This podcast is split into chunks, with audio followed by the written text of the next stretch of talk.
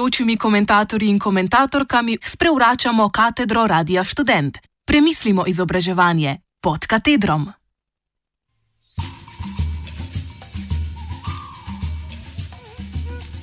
Memento mori.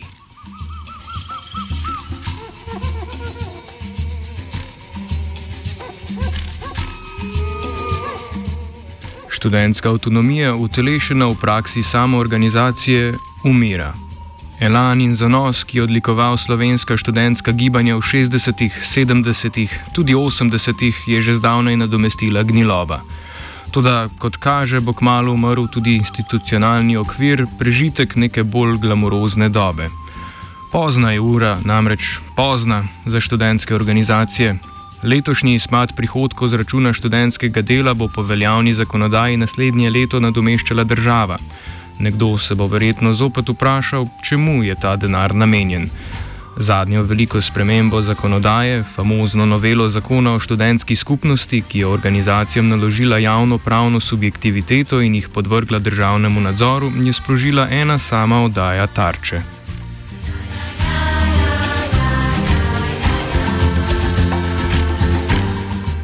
Bodo študenti branili študentske organizacije? Malo verjetno. Večina študentov bore malo ve o študentskih organizacijah, kaj šele, da bi se borili za njihov obstoj. Udeležba na študentskih volitvah v Ljubljani dve leti nazaj je celokupno znašala 8 odstotkov, kar mi služi kot dokaz, če ga sploh potrebujete, da sta povprečen študent in študentska organizacija mimo bežnici, ki se srečata vsak oktober ob Sorej pri podaljšanju študentskih bonov.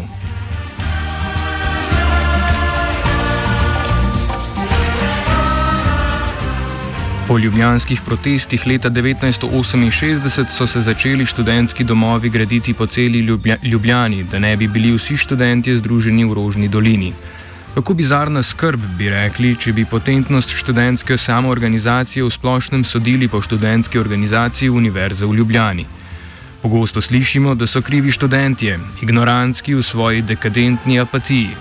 Arogantni študentski fun funkcionarji se dosti krat vedejo, kot da so študentje neintelektualna drhav, ki kot živina po ovsu hlastajo po alkoholu. Toda kultura je utemeljena v materialnih pogojih svoje eksistence. Kulturo participacije, politične aktivacije, študentski aufklarung, če hočete sanjariti, je treba vzgojiti in na to braniti pred uzurpacijo parcialnih interesov.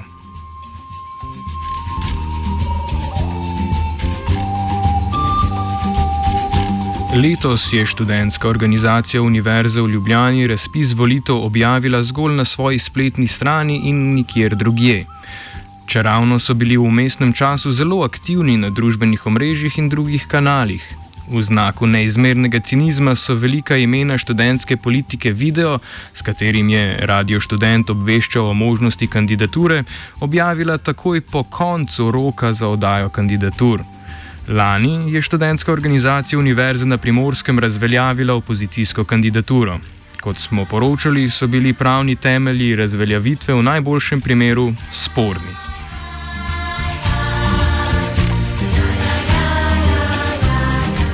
Večina študentov ni nikoli povabljena k aktivni participaciji.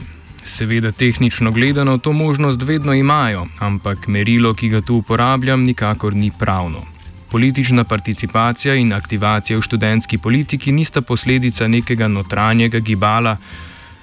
Zon politikon ni rojen, marveč je ustvarjen. Politična apatija ni krivda študentov, temveč je za njo v prvi vrsti odgovorna študentska organizacija. Če so pri tej nalogi spodleteli po napaki ali lastni volji, lahko presojate sami. Očitno pa je, da ni bilo storjeno dovolj, da bi se izgradila in ohranila kultura politične participacije.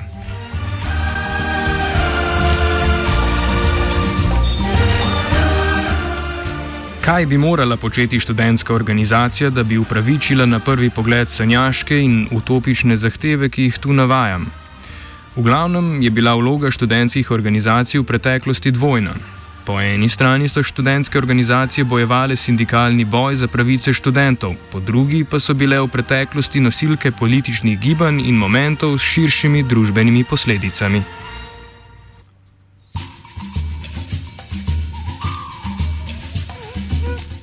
Takoj moramo ugotoviti, da gre v tem primeru za eno nalogo in ne dve, Kakršnokoli splošno politično gibanje, ki se je kadarkoli rodilo na univerzi, se je tam rodilo, ker ravno univerza ponuja materialne pogoje misliti radikalno.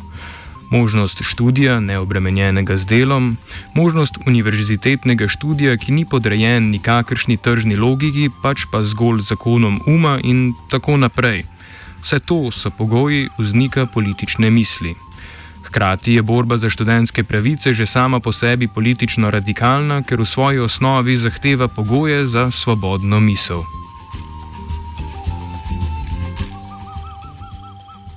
Študentje in univerza so vse čas pod pritiskom in vse čas terjajo aktivno obrambo.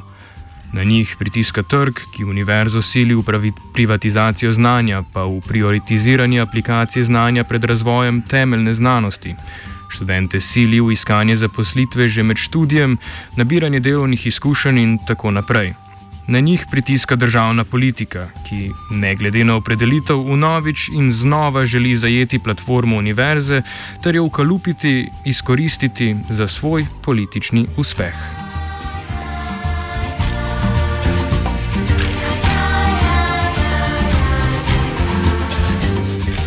Ravno zato je študentsko samoorganiziranje tako ključno. In ravno zato bom jaz, ko bo država študentske organizacije ukinila, prvi, ki jih bodem objokaval in jim pel pesmi elegije. Toda, da lahko študentska organizacija ohranja pred, osnovne pretenzije o resnem boju za študentsko in univerzitetno avtonomijo, mora biti legitimna. Uživati mora aktivno podporo študentske populacije. Ustvarjati mora prostore in platforme, kjer študenti ustvarjajo nek avtonomen diskurs. S tem ne mislim nič posebej abstraktnega, dobesedno je naloga organizacije, da poskrbi, da se študenti pogovarjajo o svojih problemih v širšem kontekstu študentske zavesti.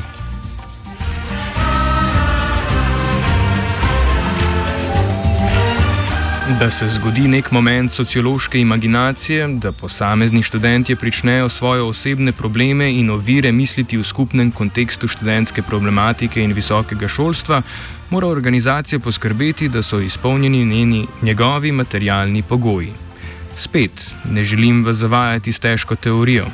Organizacija mora odpirati mesta, platforme, karkoli pač, kjer se lahko počasi gradi skupna zavest o skupnih sistemskih problemih.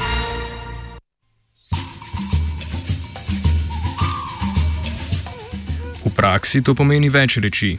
Pomeni recimo, da bi volitve že zdavnaj morale preiti na splet, kjer bi študenti lahko udobno volili, pa tudi nevarnost, da bruca nekdo pelje na volišče za roko, bi bila manj verjetna pomeni, da bi študenti bili vabljeni k udeležbi v odločevalskem procesu organizacije. Pomeni, da bi na mesto podlih političnih kampanj, polnih spletk, pritožb in zavajanj, kandidati prihajali na soočenja. Pomeni, da bi med organizacijo in študenti obstajal tok informacij in transparentnost, posledično pa tudi medsebojno zaupanje. Pomeni tudi, da bi bila sredstva porabljena drugače in da bi sami odločevalski postopki potekali drugače.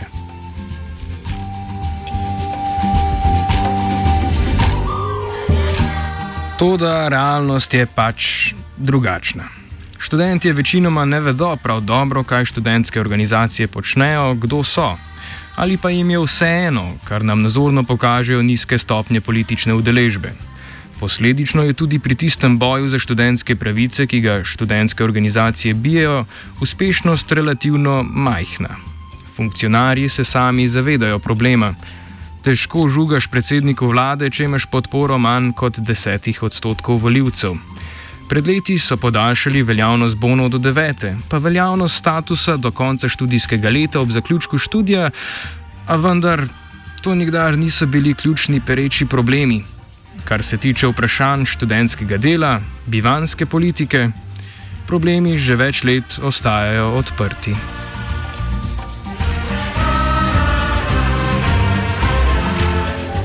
Zato je, vsaj kar se mene tiče, jasno, da študenti ne bodo šli v boj za ohranitev in obrambo študentskih organizacij. In to pomeni, da je nabor zaveznikov študentskih organizacij bore majhen. Neuradno smo izvedeli, da je prišlo do spora med vodstvom študentske organizacije Slovenije in stranko SD, kar bi, če gre informaciji verjeti, pomenilo, da tudi v državnem zboru ni več pretirane volje za ohranjanje in preživetje organizacij. Sploh, ker trenutno vladajoča SDS nikoli ni bila entuzijastičen zagovornik študentskega organiziranja.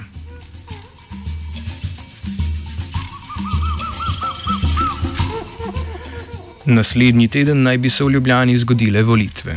Letos kandidira kar nekaj opozicijskih strank, vendar so volitve zaradi epidemije COVID-19 pod vprašanjem. Tudi letos prihaja do sumljivih situacij, da nimo na filozofski fakulteti, kjer sumimo, da je nekdo vložil listo s ponarejenimi imeni. Pa tudi sicer se izkazuje nizka raven politične kulture. Nova 24 na relativno bizaren način preizkuje opozicijo na fakulteti za računalništvo in informatiko.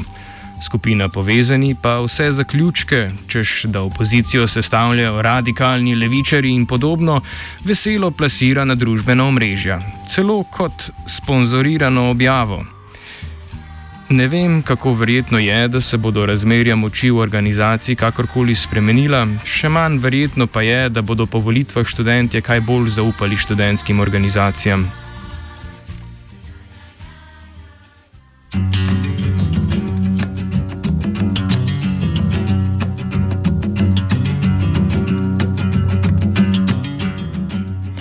Zanima me le, če se vrhovni poveljniki in njihov prode, študentske politike zavedajo prihajajočih negotovosti ali pa so morda že v nizkem štartu, da organizacijo izčrpajo v pričakovanju njenega prezgodnjega konca.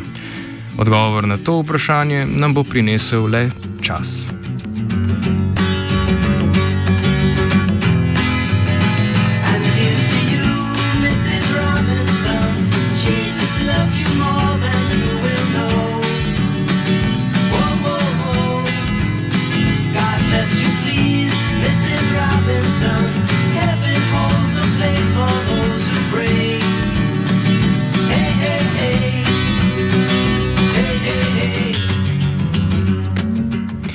Pesimistično zre Matija.